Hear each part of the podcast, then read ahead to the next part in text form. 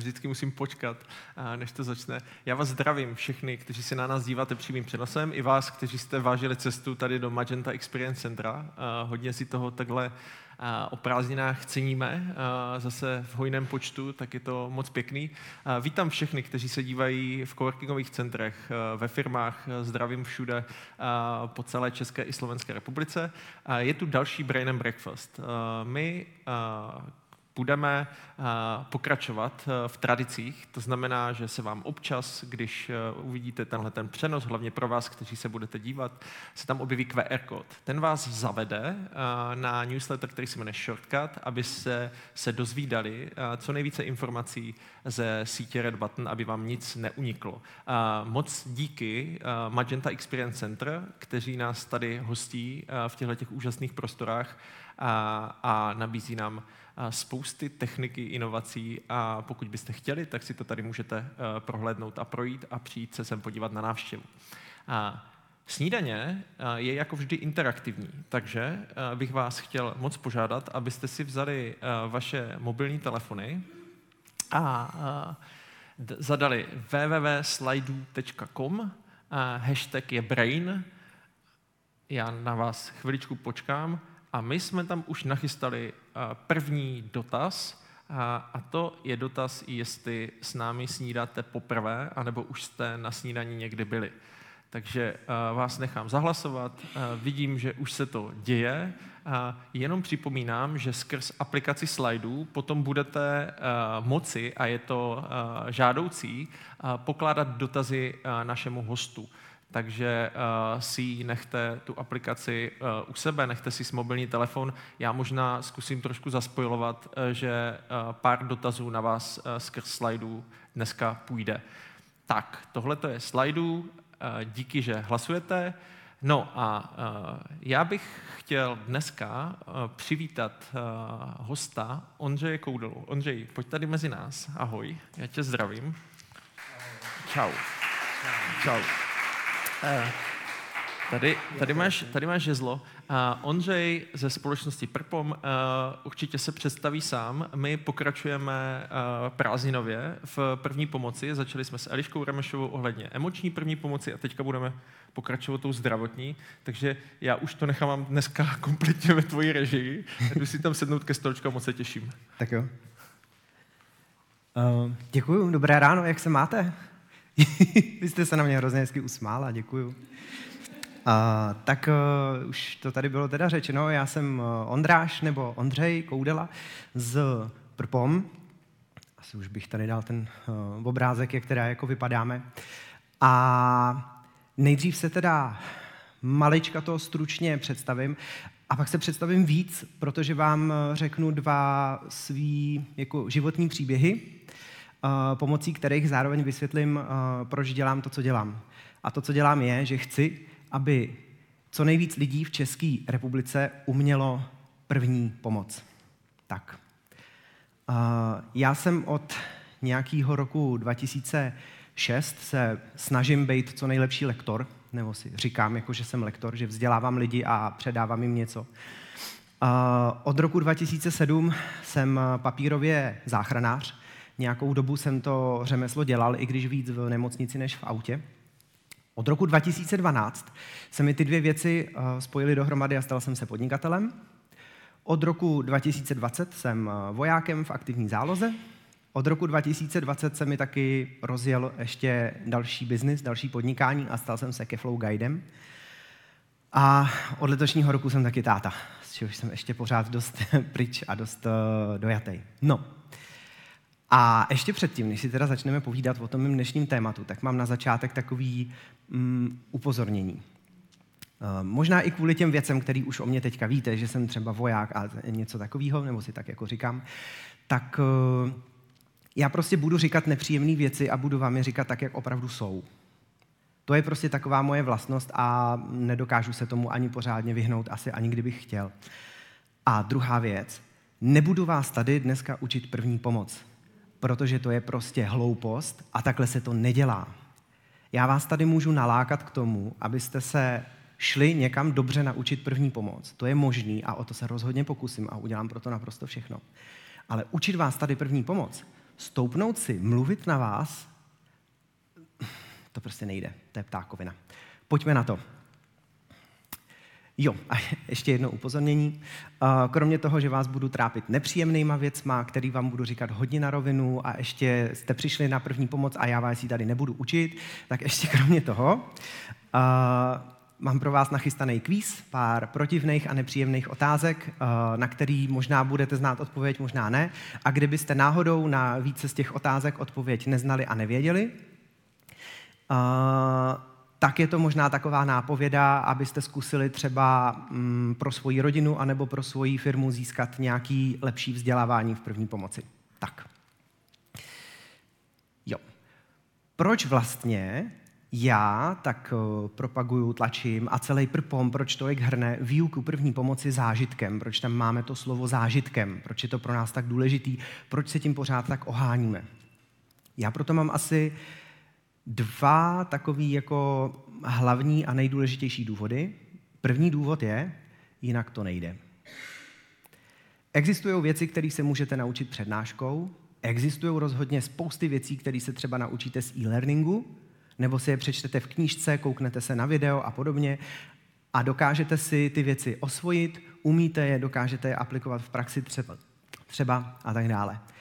A do tohoto seznamu prostě první pomoc nepatří. Stejně tak, jako tam nepatří řízení motorového vozidla. Vy se prostě nenaučíte řídit auto tak, že si přečtete knížku a nevyrazíte potom na silnice a rozhodně to nebude ani dobrý, ani bezpečný.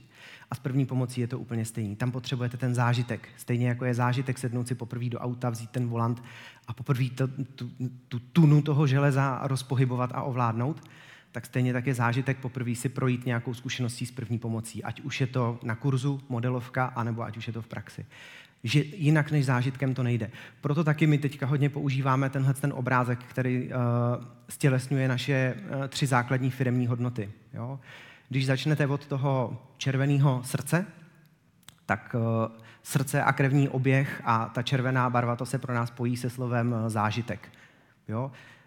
zážitek ve vás rozproudí krev, to prostě s váma něco udělá, začne to bušit rychleji to srdce a tak dál. Jo? A to je náš eh, spouštěč, který my používáme pro to, aby jsme vás pozvali do nějaké mm, zkušenosti, kterou si projdete a která vás obohatí.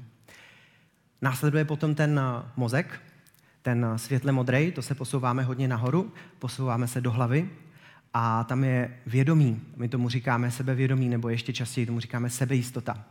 Když si projdete zážitkem, a ten zážitek se dobře zpracuje, tak to zvedá vaší sebejistotu. Sebejistota je pro vás klíčem k úspěchu, pokud máte obstát v krizové situaci. O tom si taky budeme ještě hodně povídat.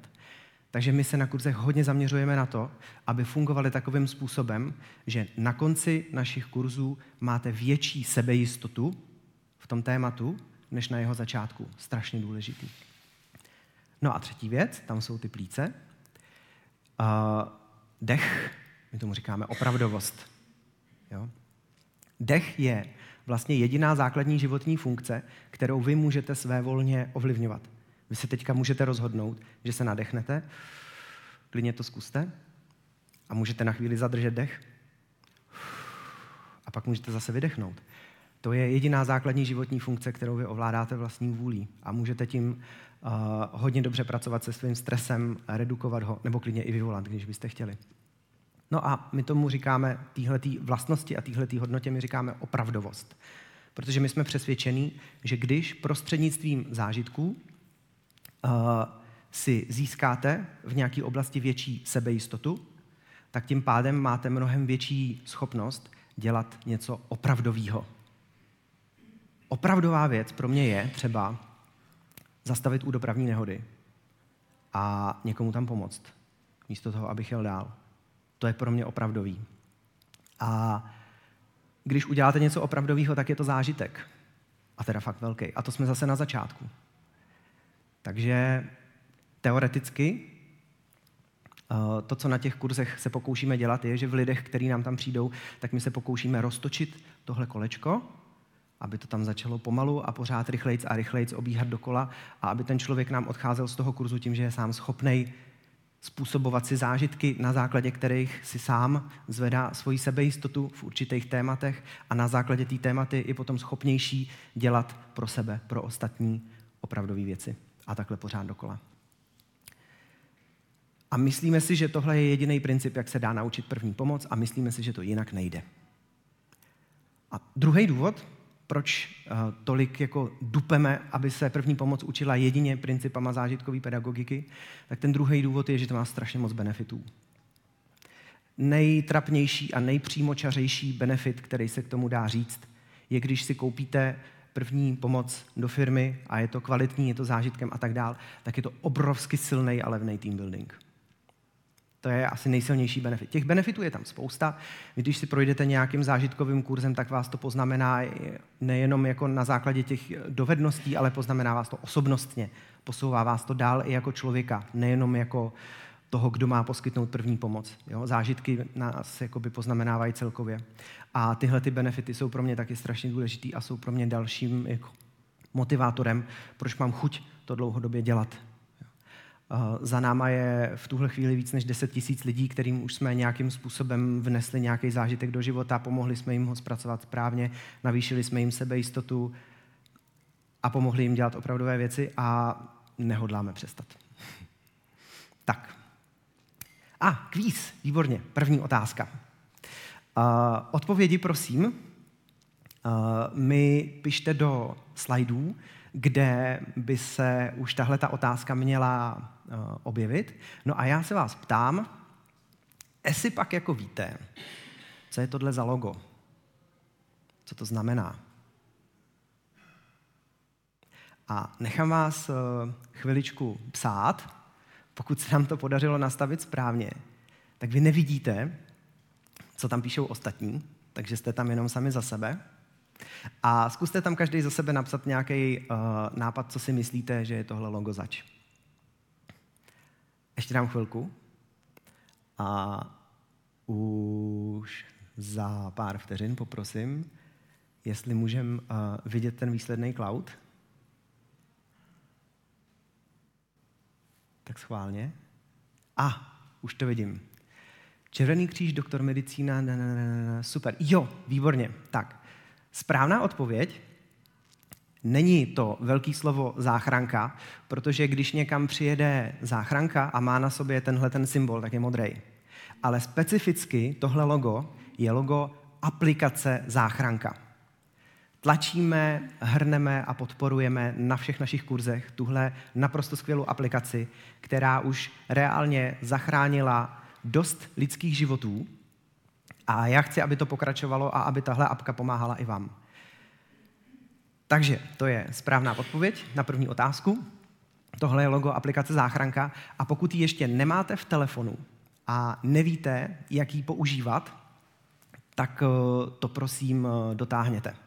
Dám vám, vám tímto domácí úkol. Nainstalujte si aplikaci Záchranka, přepněte si ji do testovacího režimu, vyzkoušejte, jak to funguje, jak se to ovládá a potom si ji v tom telefonu nechte, tak aby pro vás byla snadno dostupná. Pokud kolem sebe máte děti, tak eh, se ještě prosím zamyslete, jestli náhodou by nebylo dobré, aby i vaše děti uměly z vašeho telefonu tu aplikaci záchranka aktivovat v okamžiku, kdyby přišly nějaký nesnáze. Tak. A teďka jsem si pro vás připravil uh, takovou první část uh, svého životního příběhu, takovou malou zkušenost.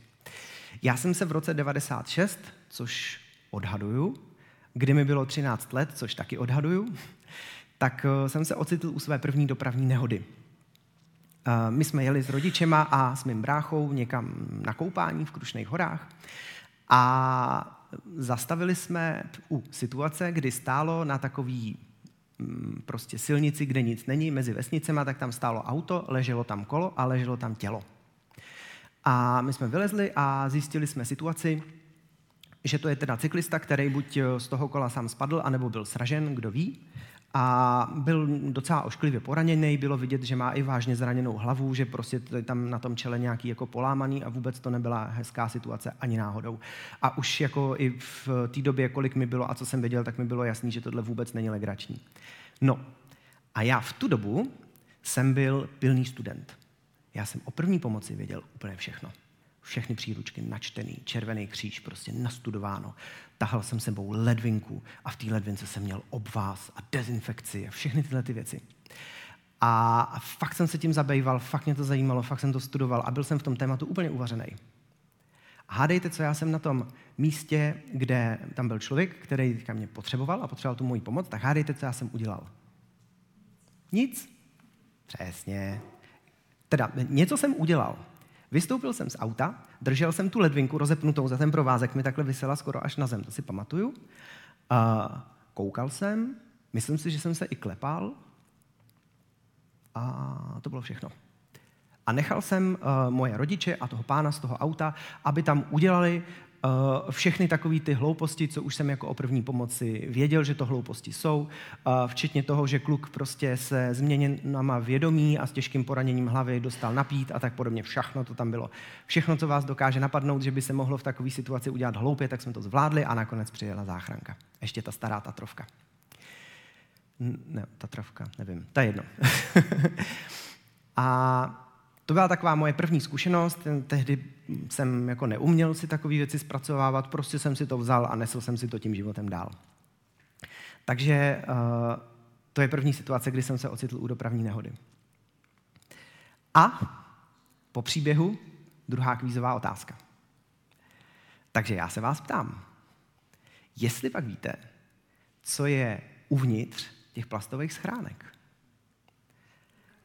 Aha, pš, pš, pš.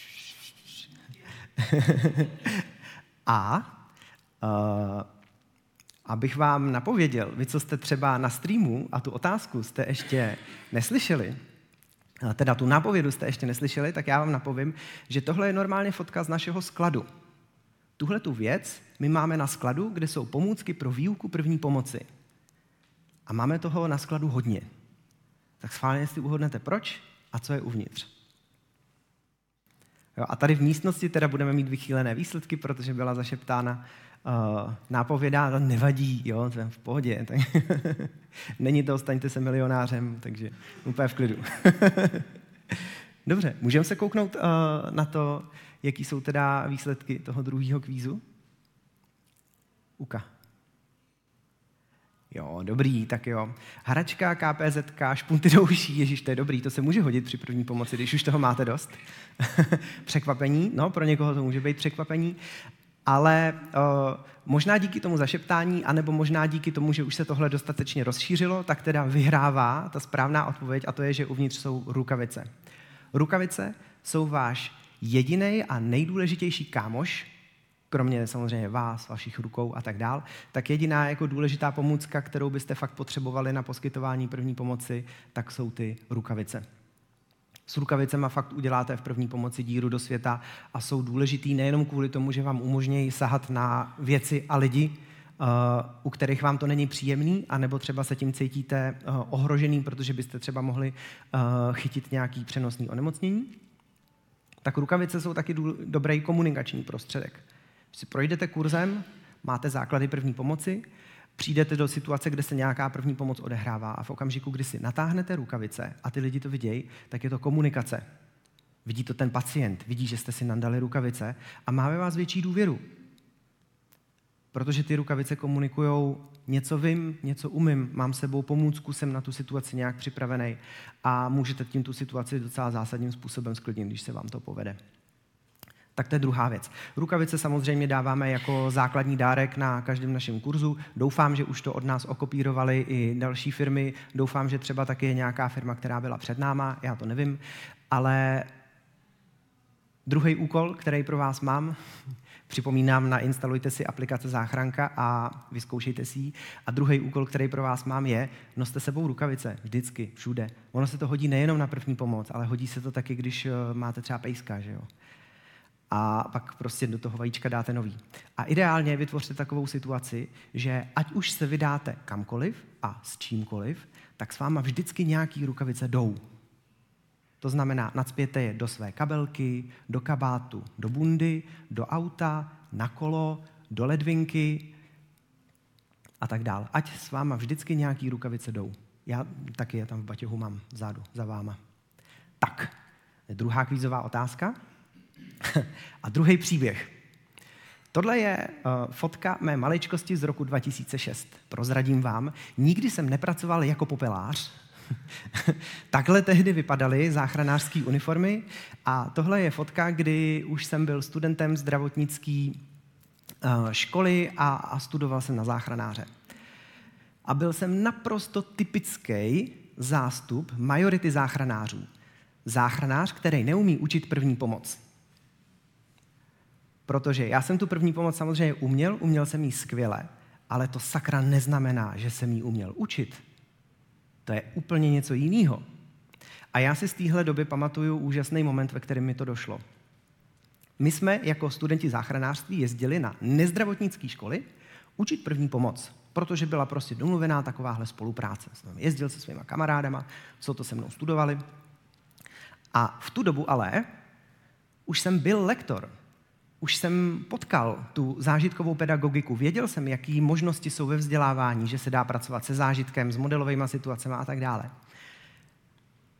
A zároveň jsem věděl, jak to vypadá na místě neštěstí, jak se tam lidi cejtějí, jak se tam lidi chovají, co by jim asi tak nejvíc pomohlo, práce se stresem samozřejmě a tak dále. A já jsem přistihl sám sebe, jak tohle všechno už vím, stojím na stupínku za katedrou, mluvím tam na 30 studentů a myslím si, že je učím první pomoc. A oni mi to žerou. Hrozný. Strašně trapný. Ten okamžik, kdy mi to docvaklo, si pamatuju do dneška a bylo to prostě hloupý a bylo to praštěný a, a bylo mi z toho smutno. Tak jsem to přestal dělat. Potom běžel nějaký čas a pak jsem se postupně začal zabývat nějakým experimentováním, jak uh, učit první pomoc zážitkem. Takže uh, já si myslím, že když už jsem se před váma dvakrát znemožnil, takže bychom s těma příběhama mohli přestat a mohli bychom se pustit do něčeho dalšího. Což je další kvízová otázka. Jasně, na to jsem zapomněl. takže zase se nachystejte, prosím, uh, nachystejte se na slajdu. Uh, otázku, kromě, že jste si ji přečetli, tak vám ji ještě přečtu já. Uh, v situaci, kdy jste like, laický zachránce a v první pomoci řešíte krvácení, tak na jaké typy je dobré si to krvácení rozdělit? Abyste to ošetřili dobře, tak jak se má. Tak jaký různý druhy krvácení od sebe je potřeba odlišovat, aby jsme vždycky zvolili správný ošetření.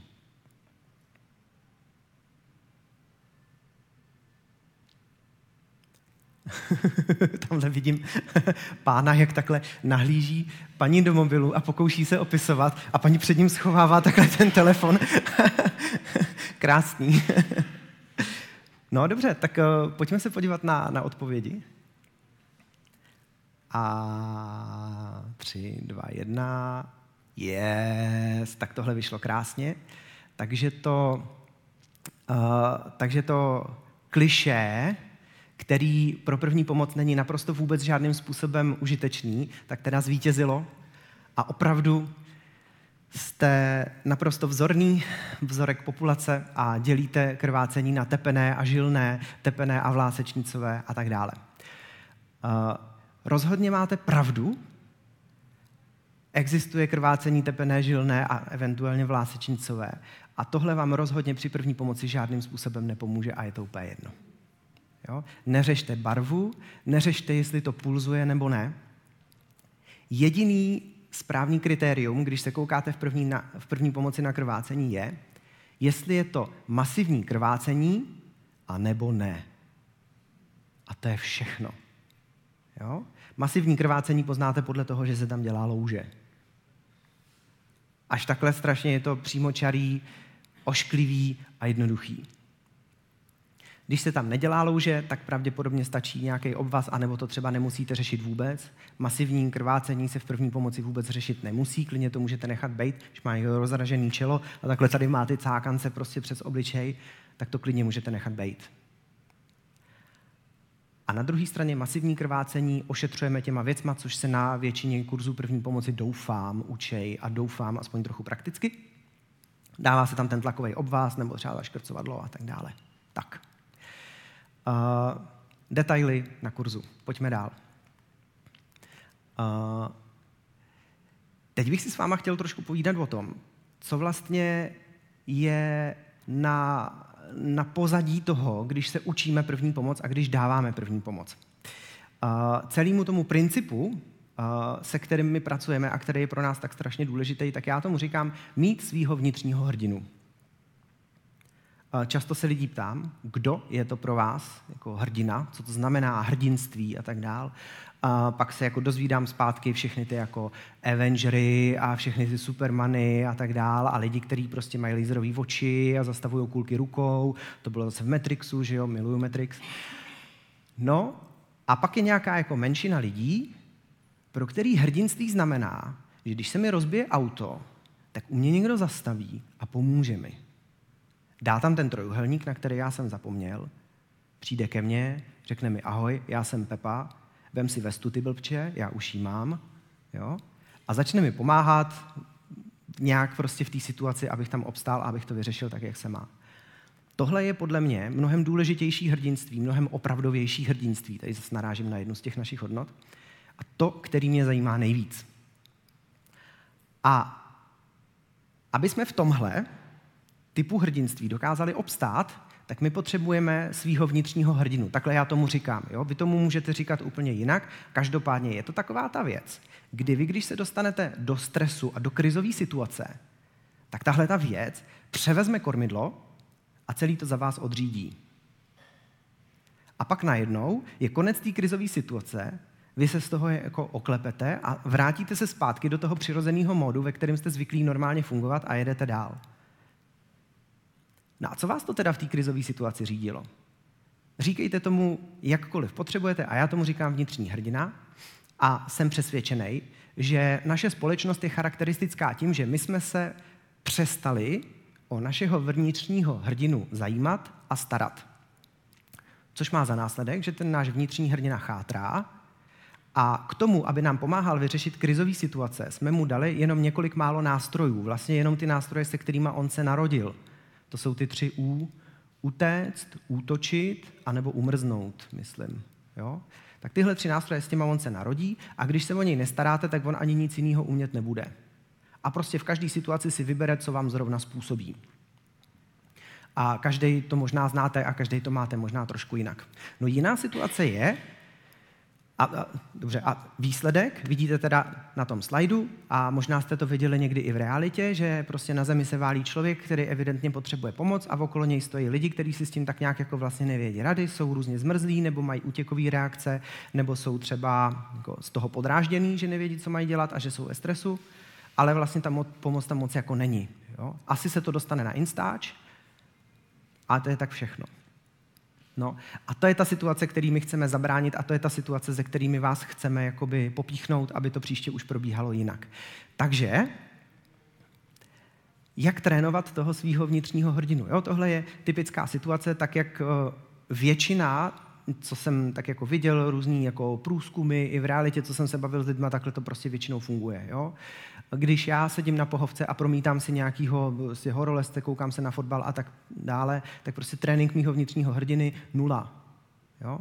Leží na zemi, čumí do mobilu, tak co má dělat, že jo? Nic zajímavého se neděje. Zatímco podívejte se na toho horolezce, jo? Ten maká a dostává se do takových situací, kdy tomu vnitřnímu hrdinovi nezbývá nic jiného, než makat taky.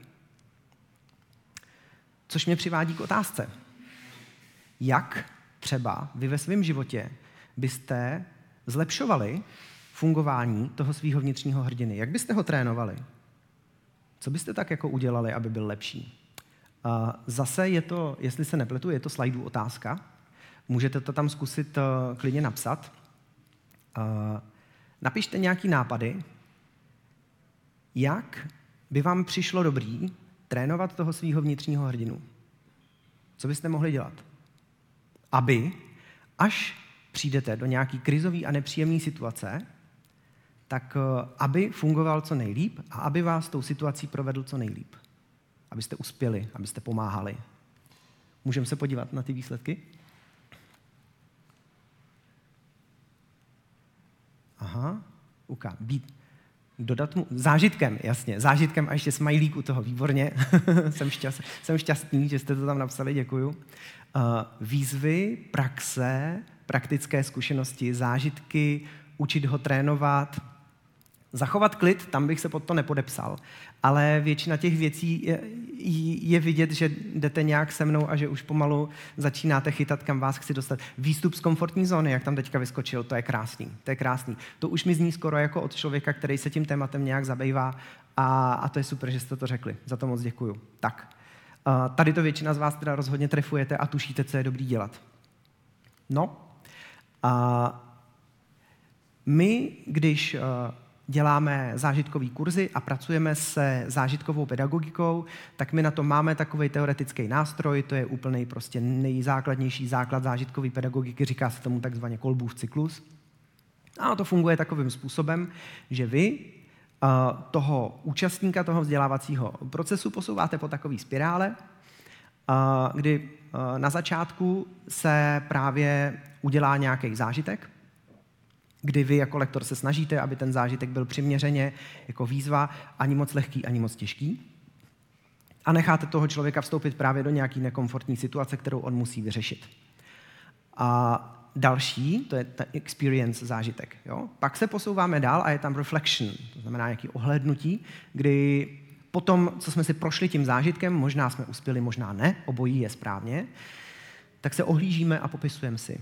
Proběhlo to takhle, cítil jsem se tak a tak.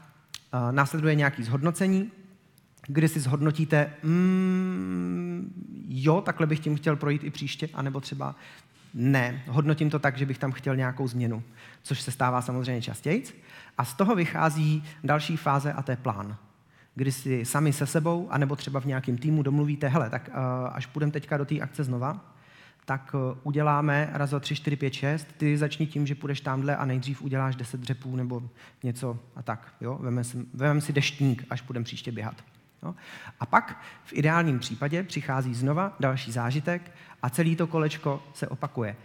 Až na to, že to není kolečko, protože vy s každým tím zážitkem a s každým tím, když ten zážitek si zpracujete a reflektujete ho, zhodnotíte a nastavíte si nějaký plán, jak podobnou situací chcete projít příště, tak už to není kruh, ale je to spirála, protože tam vždycky dochází k nějakému posunu a vy do každého toho zážitku vcházíte obohacený o to, co jste si vyzkoušeli předtím.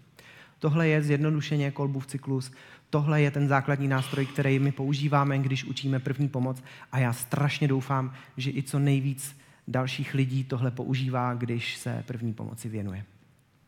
Tak. A takhle to potom vypadá v praxi. Ještě jednou to připomenu. Kurs první pomoci ideálně vypadá tak, že se tam furt něco děje.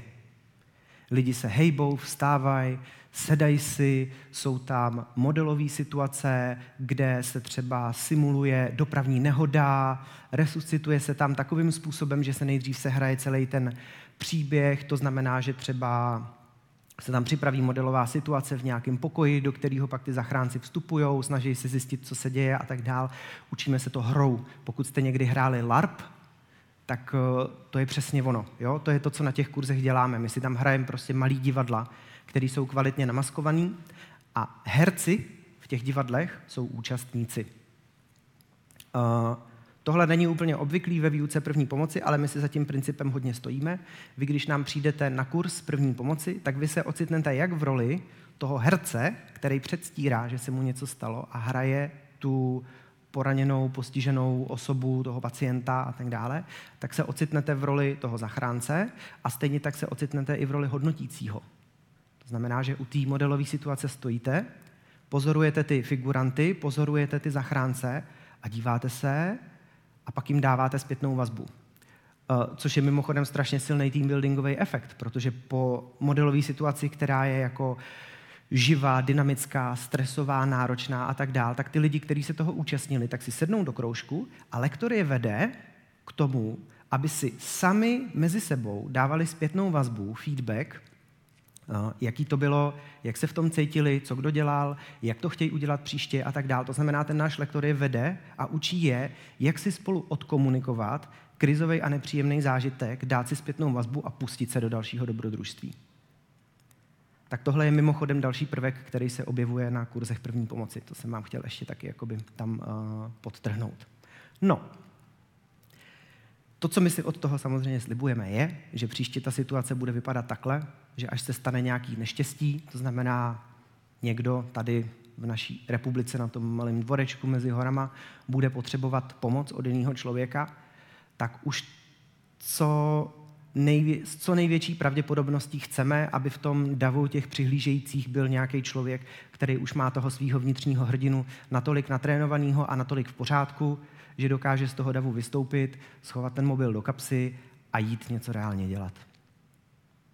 Tak to je to, kam bychom s tím uh, rádi dospěli a to je to, o co se tak uh, zuřivě snažíme, když pořád mluvíme o tom, že se má první pomoc učit zážitkem. Tak tohle je ten náš cíl. A já chci získat si vás úplně všechny a chci si vás pro tuhle tu ideu nakoupit.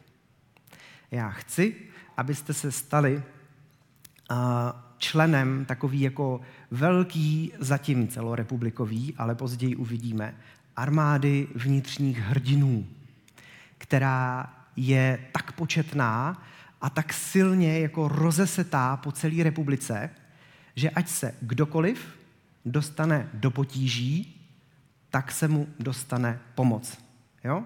Tady mám proto i obrázek, říkám tomu, z legrace tomu říkám Dumbledore's Army, jo? Dumbledorova armáda, Brumbálová armáda. A to je přesně ta situace, kterou bych chtěl... Pardon? Co se stalo? Jo, ona tam paní spadla, aha, dobře. A víte, víte, co máte, co máte dělat?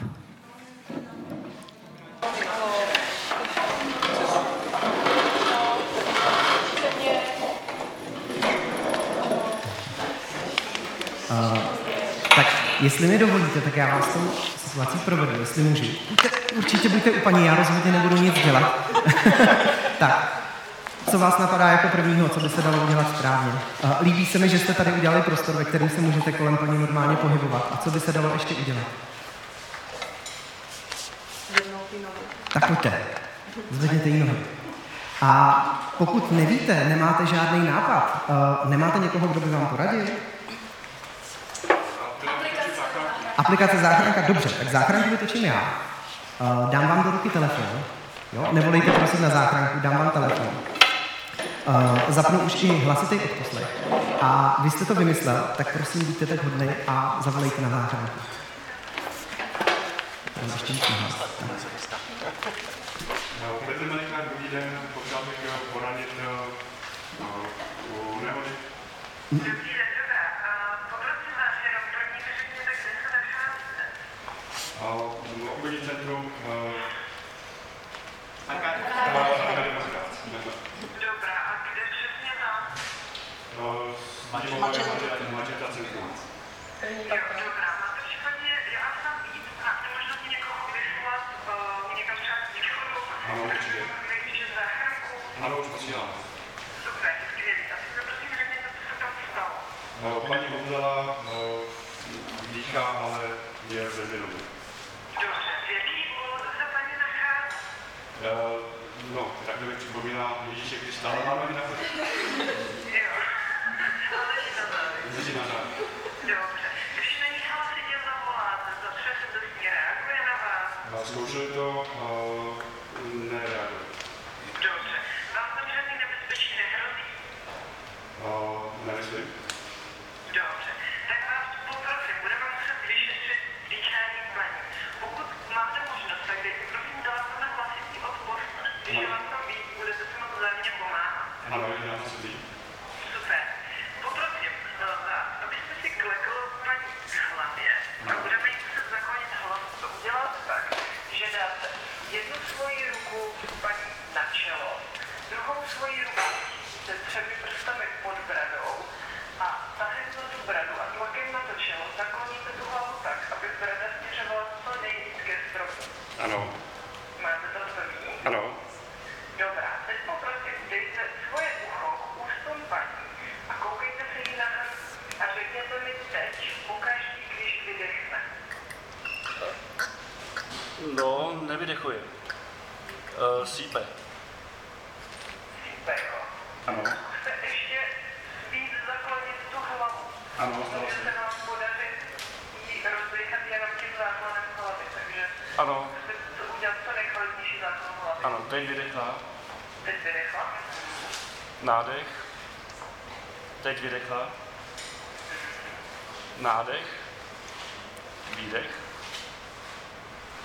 nádech, výdech, bolí mi kolena. Že, paní dýchá normálně. Poprosím vás, držte ten zákon hlavy. Ten už nepouštějte, jinak by vám mohla zase přestat dýchat. Záchranku máte na cestě. Jestli teda někdo na ní bude čekat a přivede jí k vám, vy jí takhle celou dobu držte ten zákon hlavy. Jednou za čas kontrolujte, jestli opravdu pořád dýchá. Ano, A takhle to vydržte až do příjezdu záchranní služby. Kdyby se cokoliv změnilo, tak nám zavoláte zpátky, ano? dobrá, děkuji. Dobře, tak to je za mě zatím všechno. Já vám moc děkuji za super práci. Já se omlouvám. Já se děkuji. Já se Můžete to pustit už. Nemůžu, musím počkat na to. Uh, moc vám děkuju. Byli jste skvělí, byli jste stateční. Můžeme tu modelovou situaci takhle ukončit. Eliško, děkuju. A uh, když už jsme v této situaci, tak bych vám rád představil teda naší HR manažerku Elišku Blaškovou. Tak jo, tak vám děkuju. Uh, jestli máte chuť si ještě chvíli povídat, tak prosím, vemte místo. A já mám ještě pár věcí, které vám k tomu můžu nabídnout.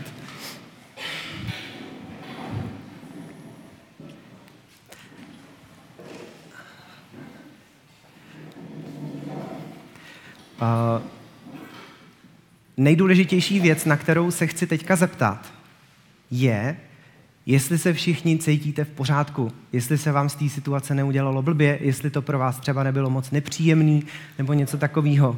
Pokud by vám blbě bylo, tak eh, Eliška spolu s kolegyní, která sedí po její levé ruce a jmenuje se Nikola, tak eh, si vás klidně můžou vzít někam stranou, můžete jít na vzduch, můžete si o tom popovídat a, nebo cokoliv, co budete potřebovat. Tohle je samozřejmě taky součástí kurzu první pomoci. Když my na lidi nahráváme takovýhle překvápka a takovýhle modelové situace, tak si prostě hrajeme s ohněm. Zážitková pedagogika už je taková. Může vyvolat situace, které jsou pro lidi natolik diskomfortní, že jim z toho nebude dobře a tak je to v pořádku, akorát, že my musíme být připravení je potom ošetřit a přivést je zase zpátky do komfortní zóny. Takže tohle je mimochodem další věc, na kterou se musíte trénovat, když chcete být lektor první pomoci a musíte umět aspoň základy psychické první pomoci. No dobře, tak eh, ještě jednou teda děkuju za tu modelovou situaci. Až tady to povídání skončí, tak samozřejmě si můžeme i sednout třeba do nějakého kroužku, hloušku nebo něco takového a můžeme si spolu povídat o tom, jaký ten zážitek pro vás byl, jak jste se v tom cítili a, a tak dále. Každopádně, samozřejmě, eh, tohle byla ukázka eh, pro mě ta nejdůležitější část toho povídání s váma, kdy já jsem se vám pokusil co nejlépe naznačit a samozřejmě nechat vás to i zažít, jak to má probíhat na kurzu první pomoci, který funguje. A pokud se tohle neodehrává na kurzu první pomoci, kterýho se účastníte, tak můžete klidně jít domů. Tak. Tohle je ještě jenom taková poznámka na okraj. My samozřejmě, když se pokoušíme dosáhnout toho našeho úspěchu, že těch vnitřních hrdinů, kteří jsou trénovaní a dokážou reagovat, je v naší republice dostatek a snažíme se jich probudit co nejvíc, tak uh, to nejsilnější, uh, co máme k dispozici a tam, kde se nám daří nejvíc, tak to jsou firmy. Jo, nejčastěji se nám daří vstupovat nějakým způsobem do firmního vzdělávání, nejčastěji pod rouškou team buildingu. A pokoušíme se tam dostávat tu první pomoc a dostávat se těm, k těm lidem, který potřebujeme jakoby v tomhle vzdělat, tak se tam dostáváme tímhle způsobem. A často dostáváme odpovědi, které jako mojí optikou jsou až někdy legrační. Jo. Je evidentní, že ta firma má dost peněz na to, aby se takováhle věc pro ty lidi mohla udělat, ale nemají budget. Mm, Další otázka, k tomu se ještě dostaneme, jestli by to jako nešlo kratší. Jo? Jestli by to třeba nešlo jenom na hodinku, na hodinku a půl, to by přece stačilo, ne? Protože ten pán, co nám sem vždycky chodí, tak on to má jenom na pár slajdů a hned je to hotový. Tak nešlo by to trošku zkrátit? A, a nebo, jestli by nestačil jenom jeden lektor. Jo. Uh, nahrajeme modelovou situaci, ta modelová situace je spuštěná, už běží, někomu se v té modelové situaci udělá zle, potřebuje z ní odejít a jak je tam ten jeden lektor, tak on musí pokračovat v té modelové situaci, protože to se nakoupilo, to se musí doručit, to je prostě zaplacený, to je služba a to musí proběhnout. A na druhé straně má toho člověka, který ho si potřebuje odvést stranou a postarat se o něj a dostat ho zpátky do komfortu, protože to k jeho řemeslu taky patří. Má se roztrhnout? A jinými slovy, nám ty firmy říkají, a první pomoc pro nás není priorita teďka. Neřešíme.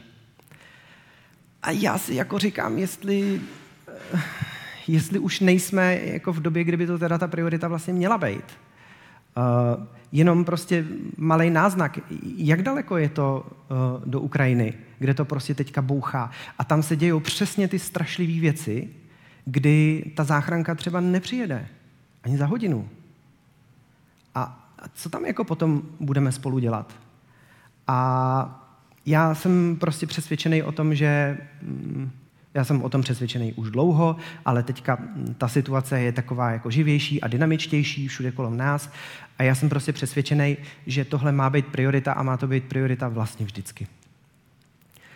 Uh, tím pádem jsem si pro vás připravil ještě takový rychlej jako checklist nebo návod, jak to vlastně udělat, abyste zajistili, uh, že ten kurz, který bude nakoupený k vám do firmy, tak bude kvalitní. Takže za prvé, v žádném případě tohle doporučení není vázaný na konkrétní firmu. Vůbec. Stačí, když si pohlídáte tyhle ty kritéria a rozhodně v České republice už existuje naštěstí víc firm, který tohle dokážou dodržet a doručit. A když si tohle pohlídáte a dáte to třeba jako součást objednávky, tak máte velkou šanci, že se ten kurz povede, bude kvalitní, bude fungovat a navrh dostanete i hodně intenzivní a hodně dobrý team building. A ty podmínky teda jsou, za prvé, ten kurz musí být postavený na principech zážitkové pedagogiky. Ten váš dodavatel by to měl vědět a měl by to deklarovat, že to takhle dělá. Za další, nedává smysl, v diskuzi to můžeme rozebrat podrobněji, teďka do toho zabývat ne, zabíhat nechci, nedává smysl kurz kratší než 6 hodin. Nestihnou se ty důležité věci. Jo, má to prostě nějakou dramaturgii, ten kurz má nějaký vývoj, musíte s člověkem nějakým způsobem pracovat, než ho pustíte do velké modelové situace, tak aby se v ní učil a ne, aby to byl pro něj jenom jako nepřetržitý děs. Jo? To prostě trvá, než toho člověka jako připravíte na to, aby byl ochotný s něčím takovým projít.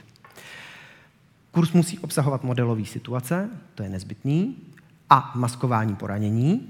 Myslím si, že to je taky docela důležitý. Co je hodně, hodně důležitý, tak je zpětná vazba. To je další nástroj, který se používá v zážitkové pedagogice. Pokud my jdeme do toho rizika a do té odvahy, že pracujeme se zážitkem a způsobujeme reálný zážitek nějakým lidem, tak potom musí následovat zpětná vazba, ve který jsme například schopni identifikovat člověka, který si tam udělal emoční zranění a my ho teďka ošetříme. A nebo ta zpětná vazba samozřejmě má ten hlavní účel, a to je podpořit ten průběh toho vzdělávání. To znamená, aby se ten člověk vzdělával co nejefektivněji a aby si z toho zážitku odnesl co nejvíc. Potom to, o čem už jsme se bavili, měli by tam být minimálně dva lektoři. A případně, a to z toho vyplývá, prostě takovýhle kurz má nějaký budget. Jo, kurz první pomoci prostě nestojí pár tisícovek. Nebo jako stojí, ale vyhodili jste je z okna. A kurz první pomoci, který funguje, tak je prostě ovlivněný tím, že potřebuje nějaký materiál, potřebuje nějaký uh, tým lektorů, který mají nějaký trénink, mají nějaké svoje interní vzdělávání a spousty dalších věcí. A mně přijde jako dobrá optika, kterou se na to dívat, je, uh, já si kupuju velmi levný a velmi efektivní team building, který má přidanou hodnotu, ty lidi budou umět první pomoc. Když si to postavíte takhle, tak je to levný. A tím pádem ten budget uh, najednou si sedne a je v pohodě. Pak mám ještě poznámku. Uh, věci, které při nákupu uh, kurzu první pomoci řešit nemusíte a které nejsou důležitý. Za prvé je to akreditace. České republice existuje několik možností, jak si můžete akreditovat kurz první pomoci a mít papír na to, že můžete dávat vzdělání v první pomoci. A žádná z těchto akreditací není nastavená takovým způsobem, aby zaručila, že ten kurz bude mít dostatečnou kvalitu. Zatím všechny akreditace, které jsou na kurzy první pomoci, jsou čistý papírování, je to jenom byrokracie, na kvalitu toho kurzu to nemá vliv. A pokud někdo vymyslí kurz první pomoci, který bude vypadat tak, že celý den ho prosedíte na židli a ani nevstanete, jenom si párkrát dojdete na záchod, tak takhle mizerný kurz tu akreditaci může dostat a bude to úplně v pohodě. Uh, optikou úřadů to bude úplně v pohodě, optikou mojí teda rozhodně ne. A další věc, kterou nemusíte řešit, tak jsou uniformy. Je úplně jedno, co má ten lektor na sobě. Já osobně preferuju, když lektor první pomoci přichází v civilním oblečení, protože tím pádem stojí na vaší straně. Civilní první pomoc se rozhodně nedává v uniformě, ale dává se v civilu, v tom, čem jste zrovna přišli, tak jak jsme tady byli před chvílí. Záchranářskou uniformu na kurzu první pomoci si někdy vysvětluju tak, že tam jaksi jako chybí autorita získaná kvalitním lektorským řemeslem a dohání se tím, že mám autoritu díky svým reflexním kalhotám. A já si nemyslím, že tohle je princip, který bychom měli na kurzech první pomoci dělat. Jo? Prostě I porušuje to tu naší hodnotu opravdovosti. Nemyslím si, že to na ty kurzy patří. To patří prostě do práce, to je pracovní oděv. A třetí věc, kterou podle mě není potřeba řešit, uh, tak jsou tituly. Uh, dlouho, dlouho a ještě pořád se potýkáme s tím, že spousta lidí si myslí, že ten, kdo mě učí první pomoc, musí mít zdravotnický vzdělání. Nemyslím si. Fakt si to nemyslím. My v Prpomu jsme si rozhodně vyzkoušeli, že jsme schopní udělat vynikajícího lektora první pomoci třeba z baristy anebo z geologa. Vyzkoušeno. Jo? Jde to. Akorát ta firma jako celek musí zajistit nějaký kvalitní vzdělávací systém. Toho člověka, který se stává lektorem první pomoci, musí prohnat dostatečným množstvím eh, zážitků, situací a vzdělávání a tak dál, aby prostě na tom kurzu neučil hlouposti a aby to byl kvalitní lektor, aby dokázal s vaším zážitkem eh, kvalitně pracovat, aby odvedl cílenou zpětnou vazbu tak, jak se to správně má a tak dál. To je podstatný. Ale to, jestli má před jménem mudr anebo nemá, to podstatný není. Tak. Klik, klik. A, výborně. Nepřeskočil jsem něco? Ne, asi ne. No, dobrý, nepřeskočil. Tak. Uh, tip na závěr, protože mám pocit, že už jsem se vyčerpal, že už jsem vám nabídl to nejlepší, co dokážu. Uh, pokud byste chtěli se k tomuhle tématu dostat dřív a ještě nějakou jinou cestou, než že půjdete na nějaký kurz první pomoci anebo si ho zajistíte do firmy. A, tak e, já vám nabízím teďka náš nový podcast, který jsme začali dělat. Už to má jako přes 10 epizod, hezky se jako usadil, už má i dost posluchačů a tak dále, ale je to novinka, tak jsem se rozhodl, že vám to tady ještě dneska řeknu, že se o to podělím. Máme podcast, jmenuje se Zapadlej jazyk a v tomhle podcastu si můžete poslechnout, uh, nejčastěji tam dáváme, každý pátek vychází jedna epizoda, která je ze seriálu Mýty o první pomoci. Jo? Vždycky si vezmeme nějakou hloupost, kterou si lidi o první pomoci myslejí, vezmeme nějakýho lektora, který v ideálním případě s tím má osobní zkušenost a povídáme si o tom a jsou to takový prostě čtvrthodinový jednohubky, kdy si rychle vezmete nějaký téma, naposloucháte a aspoň se jako o kousek jako nachytříte. A kromě toho tam občas dáme uh, epizodu extra.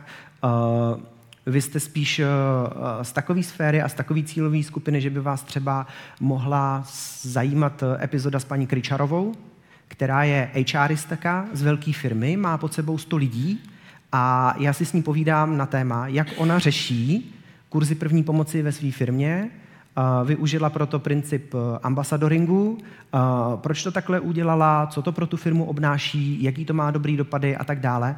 Pokud jste blízko HR, tak tohle by vás rozhodně mohlo bavit a zajímat, protože mm, ta paní to řekla jako suprově a jsou tam jako dobrý typy, který by vás mohli obohatit.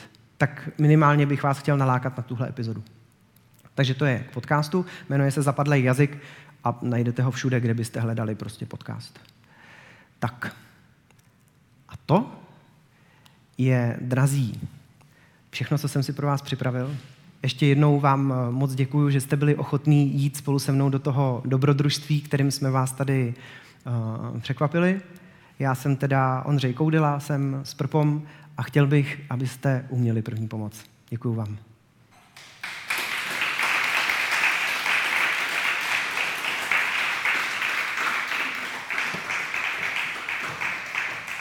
Já se k tobě posunu. Eh, v první řadě bych ti chtěl moc poděkovat za uh, tento uh, drobný experiment a nešvar, se kterého jsem 14 dní nespal, nebo možná i déle, jestli se to povede, ale... Promiň. Ne, ne, ne, to je úplně super. A můžu říct, že i když jsem věděl, co se bude dít, i když jsem věděl, že se to stane, i když jsem věděl, na jakém slajdu se to stane a tak dál, tak ve mě prostě hrklo, jo, když se to stalo. Yes. Jo, že to, jako, že, že to fakt, jako, že to fakt jako zafungovalo, takže za, za to moc díky. Díky i uh, tam kolegovi, který se, se brilantně postaral. A já můžu říct, že to je vlastně po druhé v celé historii desetiletí snídaně, kdy jsme udělali eh, jako kdyby interaktivní workshop, protože to, co vy jste slyšeli a tak dále, slyšeli všichni ti lidi v těch mnoha firmách, kde se ty věci dějou, to znamená, že to prožívali s váma. Takže já vás chci poprosit, Uh, zkuste nám poslat zpětnou vazbu, jak to zapůsobilo na vás. Uh, budu hrozně rád uh, za tu, za, tu, za tu informaci, jestli to taky zabralo nebo to nezabralo, co, jestli ve vás hrklo nebo jak jste, jak jste na to reagovali, to bych, to bych chtěl požádat všechny, kteří se dívali, jestli to zafungovalo. Takže ještě jednou moc díky.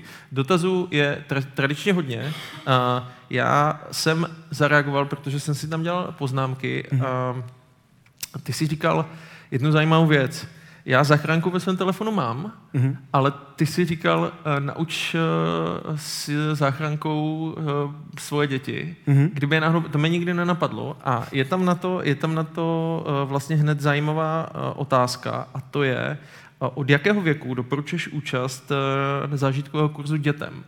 Jo? Je to louže krve, všichni jsou namaskovaní a tak dále, tak dále. Teďka si představuju ty svoje, tu svoji drobotinu, aby to mm. pobrali, ale třeba to nemusí být zase až takový hardcore. Jo.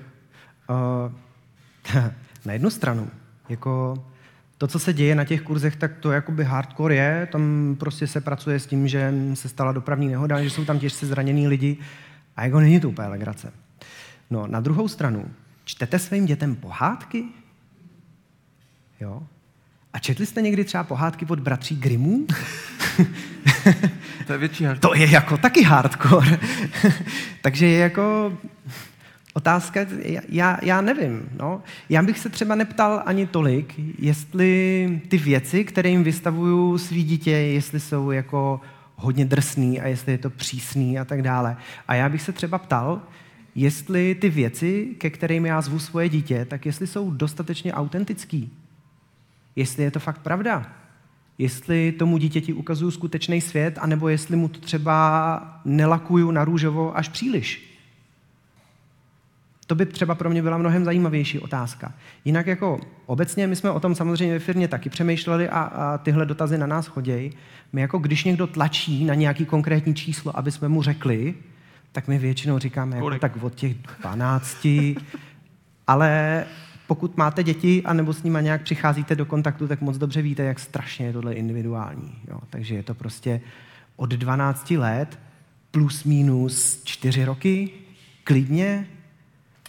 Jo. My třeba, když jezdíme dělat první pomoc na skautský tábory, tak nejčastější věc, kterou tam děláme, že ty děcka potom necháme projít jako po lese, takový dlouhý okruh, na kterém oni potkávají různé stanoviště, někde jsou modelové situace, někde jsou hry s obvazama a někde se vyrábí prak ze zaškrcovadla a tak dále. A tam těm eh, skautům nejčastěji děláme koedukované skupiny. Takže ty skupinky, které společně procházejí přes ty stanoviště, tak obsahují šestiletý, sedmiletý, devítiletý, dvanáctiletý, čtrnáctiletý a necháme tu skupinku těchto těch dětí, aby k tomu přistoupila jako tým. A to se potom dějou naprosto skvělé věci.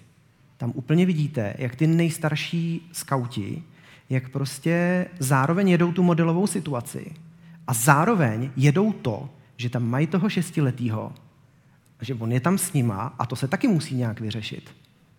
A to je super. To mě strašně baví, když se tohle děje. A tím pádem jsem tu, tu hranici těch 12 let jako úplně rozboural, protože když byste třeba na takový kurz vyrazili a přihlásili se na něj společně se svým dítětem, který mu je 8, já bych řekl ano.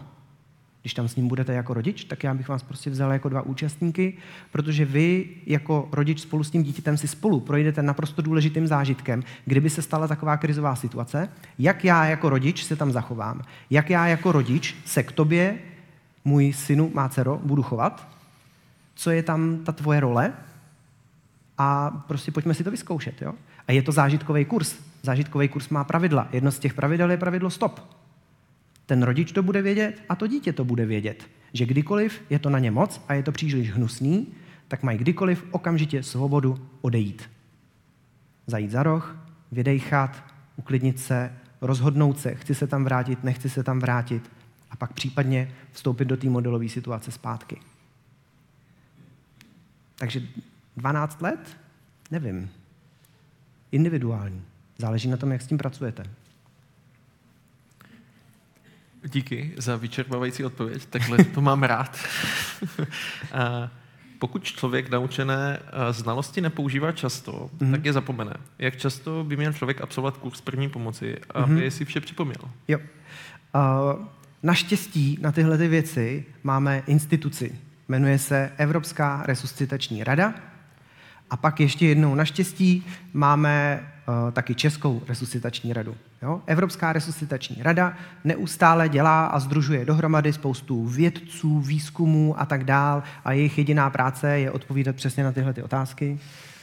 A pak je Česká resuscitační rada, která se to snaží nějak reprezentovat napříč Českou republikou a překládat do češtiny.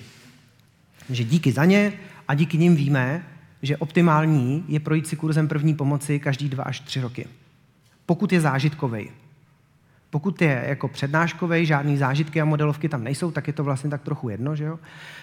Ale pokud je ten kurz postavený na tom zážitku a na tom, že, to, že tam jsou modelové situace, tak jednou za dva až tři roky doporučuju. A samozřejmě, pokud si do toho období mezi těma kurzama vložíte nějaký zážitek, který je reálný a kterým si to nějakým způsobem osvěžíte, tak samozřejmě, že ta paměťová stopa se prodlouží, prohloubí a pak si můžete třeba nechat zase o kousek delší odstup, než si na nějaký kurz zajdete. Takže asi takhle. Dva až tři roky. Měl bys pár nějakých mýtů a nesmyslů, které se šíří? je, spoustu, spoustu, tak spoustu. Třeba první pomoc se dá naučit přednáškou. jako jedna z těch největších hloupostí, s kterou se tak jako potýkáme. Potom třeba má epilepsii, honem ho někdo zalehněte. Jo? Nebo při křečích celého těla, kdy ten člověk jako má nějaký záchvat nebo co si, my třeba ani nevíme, jestli je to epilepsie nebo něco jiného, leží na zemi, celý se klepe, hondem mu zakloňte hlavu a otevřete mu pusu. Další jako prostě ptákovina, něco mu tam nadspěte, vražte mu mezi ty zuby pásek, ať si je neporaní. Uh, nebo prst tam dejte, jestli už ho nepotřebujete. Tak. a, takových mýtů je spousta. A než abych je tady tahal z kapsy, a, tak prostě vygooglete prpom, mýty o první pomoci. My se tímhle tématem zabýváme už od roku 2013 a těch mýtů jsme pozbírali už 99. Takže když najdete ten správný odkaz, tak tam na vás takhle vyjede seznam 99 blbostí o první pomoci a můžete se potom bavit tím, že si budete pročítat ty, který vás zrovna zaujmou. A tak, jak ten seznam těch 99 je, tak my si z něj postupně vybíráme ty, které nám přijdou nejzábavnější, ty si bereme do toho podcastu a povídáme si o nich v tom podcastu. Takže i v podcastu tam uh, je najdete. Kde je hranice neohrozit při pomoci sám sebe a svou rodinu? Příklad jedu sama autem s malými dětmi, je bezpečné stavit u nehody? Jo, jo, rozumím té otázce. Uh, a s tímhle vám nikdo nepomůže. Protože hranici, do čeho ještě já půjdu a do čeho už ne, tak tuhle hranici si jednou provždy stanovuju já sám. Tak to prostě je. V okamžiku, kdy budete poskytovat první pomoc, tak tam na místě nebude ani záchranář, ani policajt, ani hasič. A nikdo neudělá takový to, tak prosím vás, běžte stranou, my to tady vyřešíme. To tam není, tam jste jenom vy. Takže vy si kladete tu hranici a jediný, co pro sebe můžete udělat, je, mít dobře natrénovaného vnitřního hrdinu, který vám pomůže být v té situaci víc vědomí, víc online a tím si tu hranici nastavíte líp. Budete schopni to lépe vymyslet a budete schopni to nebezpečí lépe identifikovat. A druhá věc, kterou pro sebe můžete udělat, je projít si nějakýma zážitkama, které jsou schválně vymyšlený, aby vám nějakým způsobem jako zobrazili nebo vizualizovali, co se stane, když tu hranici překročíte až příliš a jaký nebezpečí tam pro vás uh, může být nachystaný. Ale potom jako v té reálné praxi, kdy jste u té dopravní nehody opravdu zastavili nebo nezastavili, to je jenom na vás. Jenom vy si to vybíráte, nikdo jiný tam není.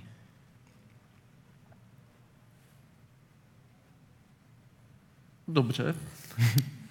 A za neposkytnutí první pomoci hrozí postih. Hrozí hmm. i e, při fatální chybě při první pomoci. Jasně. Uh, Ptá se Petr. Já mám vždycky rád, když se kdo podepíše, že to není anonym, tak Petře, díky. Je, to je super. Uh, Petře, zdravím. Mm, ty zákony, které na to máme napsané, tak, jak se teďka používají a tak, jak se teďka ty zákony interpretují a jak jsou k ním napsané ty výklady, tak to funguje, že pokud jste zavolali záchranku a tu situaci jste neodignorovali, tak jste poskytli první pomoc a hotovo. A jste z obliga. Takže vy potom nad tím člověkem, který naprosto zoufale potřebuje, abyste něco dělali, tak vy nad ním můžete stát, můžete to hodit třeba na Instač, ale pokud jste zavolali tu záchranku, tak v tu chvíli jste z obliga. A je to hloupý, ale je to tak. A pokud vy půjdete do té pozice jako odvážný, hrdinský, uvědomělý a občanský a půjdete tomu člověku reálně pomáhat a budete s ním něco dělat, tak eh, v okamžiku, kdy vy to děláte jako v dobrý víře, a s přesvědčením, že tomu člověku chcete pomoct, tak tu chvíli je to nepostižitelný. A při první pomoci mm, je, já si prostě myslím, že když jako like vstoupíte do první pomoci a budete se snažit tomu člověku pomáhat, tak máte prostě větší šanci, že mu pomůžete, než že mu ublížíte. Máme jako nějaký specifický jako situace v první pomoci, na kterými se zaměřujeme na těch kurzech. Právě kvůli tomu, že ten laický zachránce tam má potenciál způsobit nějakou škodu. Jo? Jako třeba vytahovat nebo nevytahovat člověka z havarovaného auta. A kdy a proč. Jo, to je taková typická situace, kde by teda like potenciálně mohl napáchat spoustu škody a mohl by tu situaci zhoršit. Ale kvůli tomu, že my víme, že tady ten potenciál je, tak my se na takové situaci na těch kurzech zaměřujeme, mluvíme tam o nich a schválně nahráváme modelové situace tak, aby se nějaký zachránce do, tý, do téhle pozice dostal, tak aby se to potom řešilo na zpětní vazbě a aby ten člověk měl jako podloženo zážitkem, že se v tom ocitl a že to musel nějak vyřešit. Takže když to jako doplníte zážitkovým kurzem, tak ta šance, že jako zasáhnete a všechno bude v pohodě, tak jako obrovsky vzroste.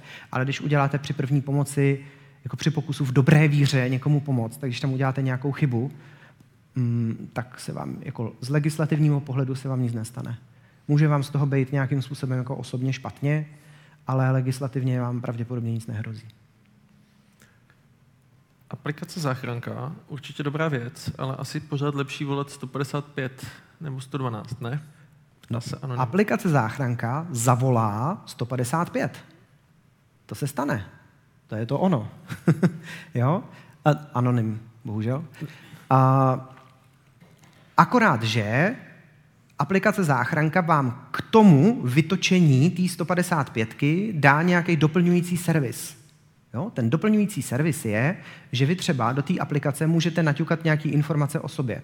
Jsem diabetik, jsem po dvou bypassech, jsem alergický na antibiotika, tyhle a tyhle a tak dále. A vy, když potom zavoláte aplikaci záchranka, tak kromě toho, že oni vědí, že jim voláte, tak oni zároveň si tohle můžou přečíst.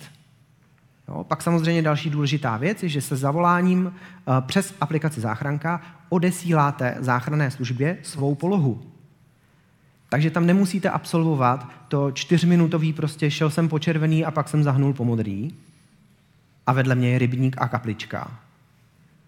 Ale oni vás rovnou vidějí a jenom se zeptají, A když se podíváte tamhle a tamhle, tak je tam rybník, vidíte rybník? A vy řeknete, jo, vidím rybník. A dispečerka řekne, aha, dobrý, máme vás. Tohle je ta uh, síla aplikace záchranka. 155 to stejně vytočí. Tam je možná uh, dobré říct, že když si to nainstalujete, tak si tam můžete zapnout ten mod, kdy si to jako můžete bez problému vyzkoušet všechno tady tohleto, jo, yes. tu, tu aplikaci. Takže uh, myslím, že to byl jeden z domácích úkolů, který si zadával, tak znova je to, tak. to princip opakování, že je jo. To tak. tak uh,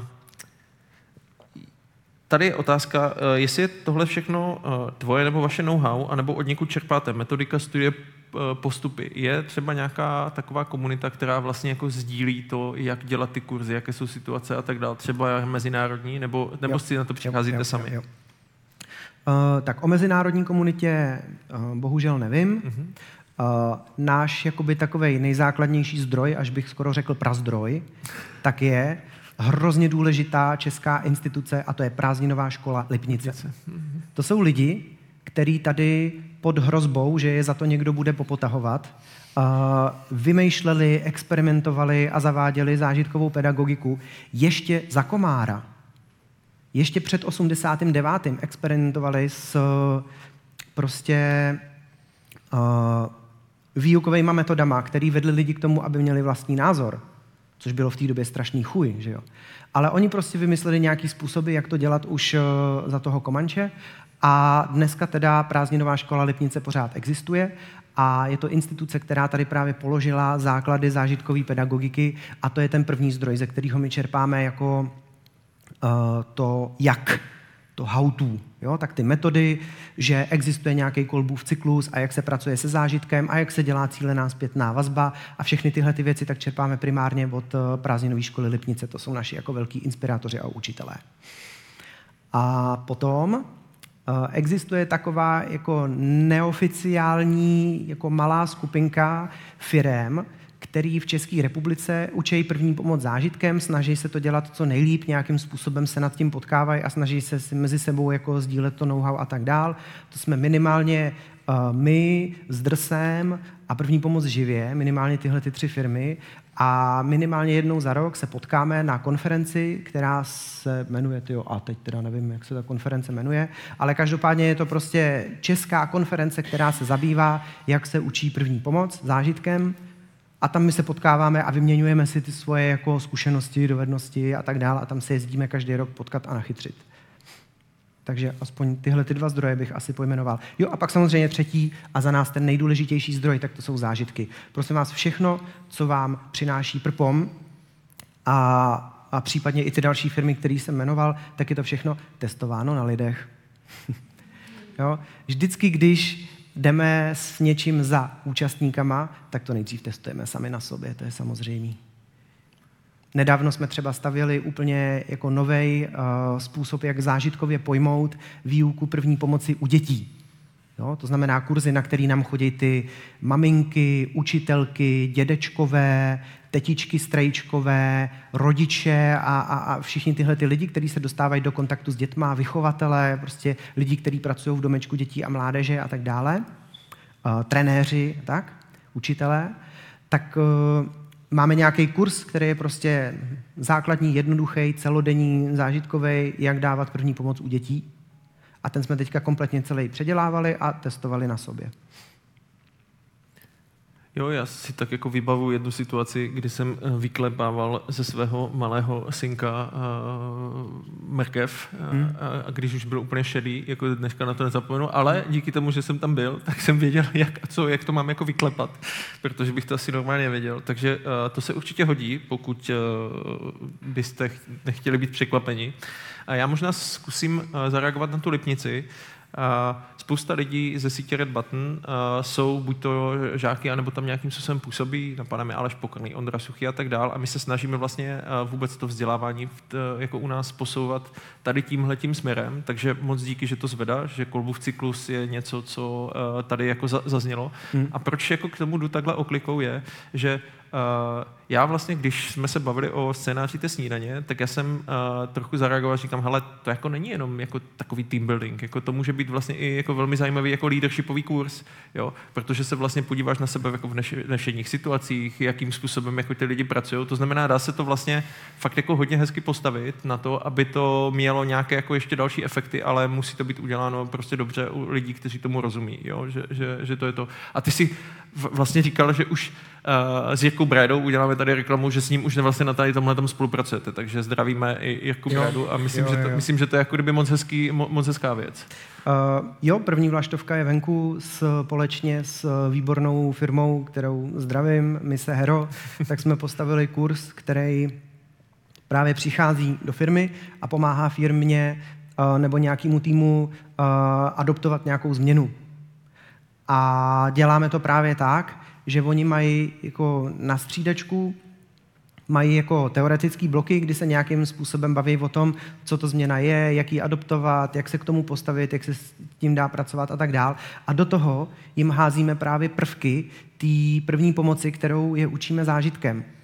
Což znamená, že oni mají jako neustále dodávku do toho kurzu nějakých jako změn a nějakých náhlých a dynamických situací, který se ale netýkají té změny, kterou oni řeší v práci. Takže oni můžou ten mozek jako úplně odprostit od nějakých prostě žabomyších sporů a různých dalších nepříjemností, které v té firmě možná mají. A můžou si o té změně a o tom, jak se s ní pracuje, povídat na neutrální půdě. Takže i pro tohle někdy třeba používáme výuku první pomoci a, funguje nám to. Já mám ten program hrozně rád a vždycky mám radost, když nějaká firma jako přijde s tou odvahou, že, že tohle chtějí vyzkoušet, protože to mně přijde jako skvělá kombinace. A, tak jenom Aleš tady zmiňuješ díky za zmínku prázdninové školy Lipnice, ale to správné jméno se jmenuje s drsem, tak jenom jako upřesňujem, uh, Aleši, moc, moc, moc díky. Jasně. A máme tady další uh, dotaz a to je, všimla, Markéta se ptá, všimla jsem si, že pán ve studiu měl problém s orientací ve vypjaté situaci, když telefonoval. Je nějaký typ, jak nespanikařit a rychle se zorientovat? uh, mě nic jiného než zážitky nenapadá. Jako pokud vám něco jako nejde řešit uh, a je to stresový a dynamický, tak mě nenapadá nic jiného, než si vymyslet pro sebe nějaký trénink, jak do takové situace budu vstupovat znova a znova a nastavím si ten způsob, jak opakovaně do té situace vstupuju, takovým způsobem, aby to pro mě byly jako správně dlouhý krůčky. Aby to vždycky byl jako trochu diskomfort, ale ne moc, já ho překonám, na konci bude očkrtnuto úspěch, dostanu dávku dopamínu a větší chuť zkusit to znova. Takhle fungují nejenom ty naše kurzy, ale takhle funguje vlastně jako jakákoliv výuka, když se dělá pořádně. To znamená, když vy se chcete naučit být dobrý řečník a mluvit před lidma, tak to děláte úplně stejně. Tu prezentaci nejdřív odříkáte sami sobě před zrcadlem, pak partnerce, pak mámě, pak s tím jdete za kolegama v práci a tímhle způsobem si to můžete postupně dávkovat, až se nakonec ocitnete před stovkou lidí a zvládnete to. A takhle je to asi, asi se vším. S první pomocí to děláme úplně stejně. Na těch kurzech to podobným způsobem graduje a postupně se to stupňuje. Teď mě zaujala jedna věc, když jsem tě poslouchal, eh, že když jsi říkal trénování prezentace a tohle a tamhle, tak mi vyskočilo, že a vlastně jsme už ve virtuální realitě dělali jako, že spousty zajímavých jako presentation skills, když si dám škopek na hlavu a vidím prostě, že malá audience, velká a tak dál. Je nějaký trend toho, že by se dala uh, první pomoc nějakým způsobem trénovat v virtuální realitě nebo nějaké náznaky tady jako technologické dopředu? Nebo, ne, nebo nevíš? Uh, ne. Protože já o ničem nevím. Ne. Uh, rozhodně to není trend. Uh, na naší straně, jako v Prpomu, je obrovská touha a obrovská ochota okamžitě se do něčeho takového vrhnout a nasypat do toho veškerý know-how, který zatím máme. Máme strašnou chuť v tomhle jako experimentovat, zkoušet nové věci. Myslím si, že to je zajímavá cesta, která se musí proskoumat. Hrozně by mě to lákalo a nedokázali jsme na té druhé straně, na té straně lidí, kteří pracují s tím VR a který mají to druhý know-how, který k tomu patří, tak my jsme tam zatím nenašli žádného dobrýho parťáka, který by se do toho s náma pustil. Jo. Takže tímto je, takhle házím tu rukavici a kdo ji vezmete jako první, tak eh, se těším, že se spolu uvidíme na kafe a řekneme si víc. Super, já myslím, že v Čechách je spousta uh, jako výborných uh, firm, které se věnují právě jako těmhle těm aplikacím. Uh, dělat, Pardon, no, povídej. musí být hozena ještě jedna rukavice. Ještě jedna? Ještě jedna rukavice. A někdo na to sežeňte peníze. Jo. Dík. My jsme házet tu rukavici v tom, uh, v tom kinder, v tom kinder, Jo, jo, v tom jo, kinder jo, jo, jo, jo, jo. To, to, by, to by bylo nejlepší. To je škoda, že jí mám v batohu a ne tady, to by Jo. fakt byl dobrý efekt. Uh, tady někdo jenom komentuje, zase anonym, ale to nevadí. Děti jezdí na tábor, kde se učí první pomoc a pak Mhm. mají praktickou ukázku, kdy půlka dětí dělá zraněné a půlka zachraňuje, žádné trauma, vě- věk 6 až 15 let. Takže Aha. super. Jo, to jsem A- rád. To jsem rád. Je, je možný, že to někdo psal, jako, že to je ten náš kurz, já to nevím, eh, tábor. Doufám že, tě, doufám, že takových táborů je víc, ale o žádném jiném nevím. Děláte kurzy v, i v angličtině pro mezinárodní týmy? Jo, rozhodně. Angličtina je samozřejmost. A co když někde v lese nebyl signál? Jaké jsou možnosti? Mhm. Uh, Zdeňku, děkuji za super dotaz. jo, Zdeněk, díky za to, že Zdenku si napsal svoje jméno. Uh, tohle je strašně nepříjemný a nejhorší to je, když jste tam sami. Jo, pokud jste tam dva, tak je to prostě matika, druhá třída ZEŠ, prostě jeden tam zůstává, druhý běží pro pomoc nebo běží tak daleko, dokud ten signál nenajde. To je jako uh, asi jasný. Ale v okamžiku, kdy jste tam sami, tak prostě se musíte rozhodnout, jestli pro toho člověka, který tu pomoc potřebuje, je větší benefit, že tam s ním zůstanete, anebo větší benefit, že poběžíte pro tu pomoc. A samozřejmě je tam ten kámen úrazu, že vy, když tam s ním zůstanete sami a žádný pomoci se nedovoláte, tak tam můžete být sami na věky. Takže musíte odhadnout ten správný okamžik, kdy prostě uh, řeknete, tak a tohle je hrozně hnusný, tohle mě strašně bolí, ale já tě tady teďka nechám a jdu pro pomoc, nazdar. Uh, není žádný jako jednoznačný návod, kdy přesně tohle udělat. Jo, minimálně teda existuje návod, jak eh, se máte zachovat, když musíte opustit člověka, který je v bezvědomí a tam se to nějakým způsobem řešit dá, není to jako samospásný, ale dá se aspoň uvést do takové polohy, že pak pro tu uh, první pomoc můžete někam odběhnout. A já ti děkuji, Ondřeji. Já bych to takhle teďka utnul, možná uh, dřív, než to dělám většinou. A spíš bych vás teďka vyzval za A. Děkuji moc za ty dotazy, které jste položili, abyste nám dali zpětnou vazbu, eh, jak se vám to dneska líbilo. Eh, Viděl jsem, že eh, je tady pár reakcí, jak jsem říkal, prosím vás o to, abyste tam, kde jsme vysílali přímým přenosem, abyste nám řekli, jak to na vás dneska zapůsobilo, včetně toho našeho eh, LARPu, scénky, kterou jsme tady zahráli. Překvapení, překvapení, takže moc díky za to.